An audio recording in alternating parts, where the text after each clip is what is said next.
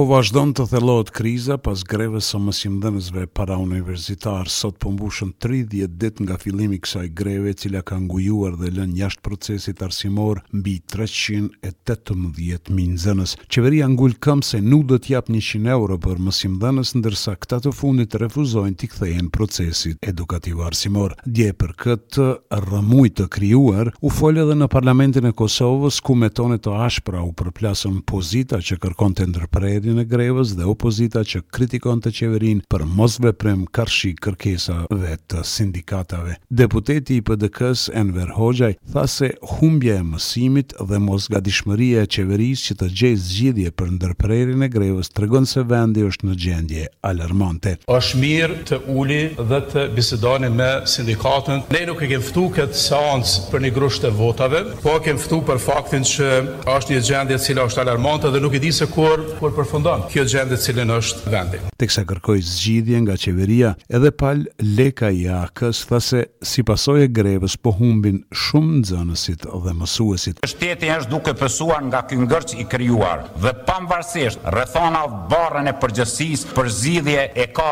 qeveria pasi janë duke pësuar nxënësit mësimdhënësit duke pësuar janë prindërit të cilët duhet të mos punojnë për t'u përkujdesur për fëmijët Pas kritikave nga opozita, kryeministri Albin Kurti tha se greva e shpallur nga Bashkimi i Sindikatave të Pavarura të Kosovës më shtatëmbëdhjetë gusht në ditën kur ai ishte në Bruksel për dialog me Serbinë është politike dhe po shfrytëzohet nga opozita. Është një lloj mosnjohje kronike e rezultatit të katërmbëdhjetë shkurtit vitit kaluar. Për besë ky është problemi. Nuk kam çka bëj unë. Populli ka votu. Halli është që unë jam kryeministër. Nuk është halli që s'po shkojnë nxënësit në shkolla. Ky është halli kryesor. Dhe greva po përdoret si armë kundër kryeministrit. Kurti tutje tha se nuk mund të ofrojë më shumë se atë që kanë ofruar me pakun për ballafaqimin me inflacionin, ndërsa ministrja e Arsimit, Arbërie Nagavci ripërsëriti kërkesën për fillimin e mësimit në shkolla. Nga këtu, ndonëse jam akuzu për presion, bëj edhe një herë thirrje, që mësimi të fillojë në shumicën e shkollave ku s'ka filluar, Që nesër, që sot,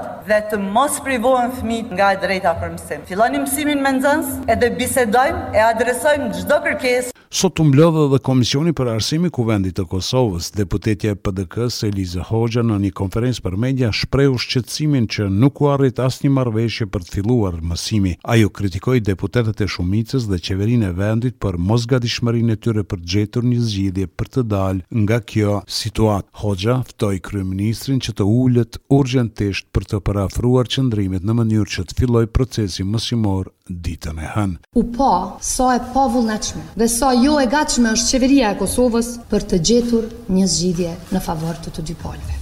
E ftoj kryeministrin e Kosovës zotëri Kurtin, ministren e Arsimit zonjën Nagavci, Ministrin e Financave, zotin Murati, që të ulen me urgjencë gjatë vikendit dhe t'i përafrojnë qëndrimet, të gjejnë një zgjidhje që mësimi të fillojë të hënën. Nuk është në të mirën e Kosovës që ky proces të vazhdojë pa pasur një epilog. Në anën tjetër, kryetari i Sindikatës së Arsimit, Rrahman Jasharaj, ka bërë të ditur se janë në komunikim të vazhdueshëm me anëtarësi në të gjitha nivelet për të parë se çfarë hapash do të ndërmerren për ditët në vijim. Këshilli Grevist i SBASHK-ut dhe Këshilli Grevist i Shërbimit Civil janë në takime të vazhdueshme me anëtarësinë. Do të shohim në të ardhmen çfarë do të bëhet në bashkëpunim me anëtarësinë. Uroj që qeveria ta ndryshojë qasjen e gabuar dhe atë që e thotë anëtarësia greviste, këshillat grevist janë të obliguar ta respektojnë. Për sa i përket mundësisë së ndryshimit të kërkesës së sindikalistëve për të dalë nga kjo situatë, Jasharaj thotë se nuk mund të flasë për ndryshim të kërkesës pasi kanë pritur nga qeveria që të bëjë lëvizje pozitive.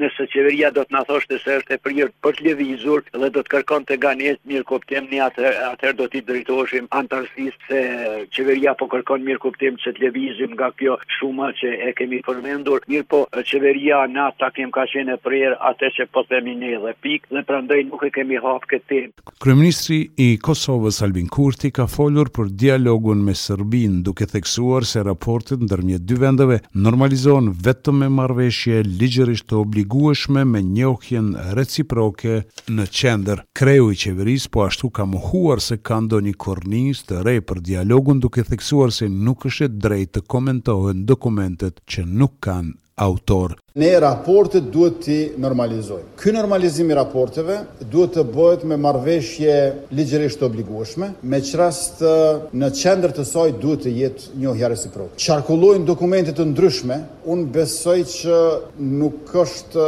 as e dobishme as e drejtë që unë t'i komentoj ato dokumente të cilat nuk kanë autor, por bëhen për të matur pulsin e qytetarëve dhe të politikanëve.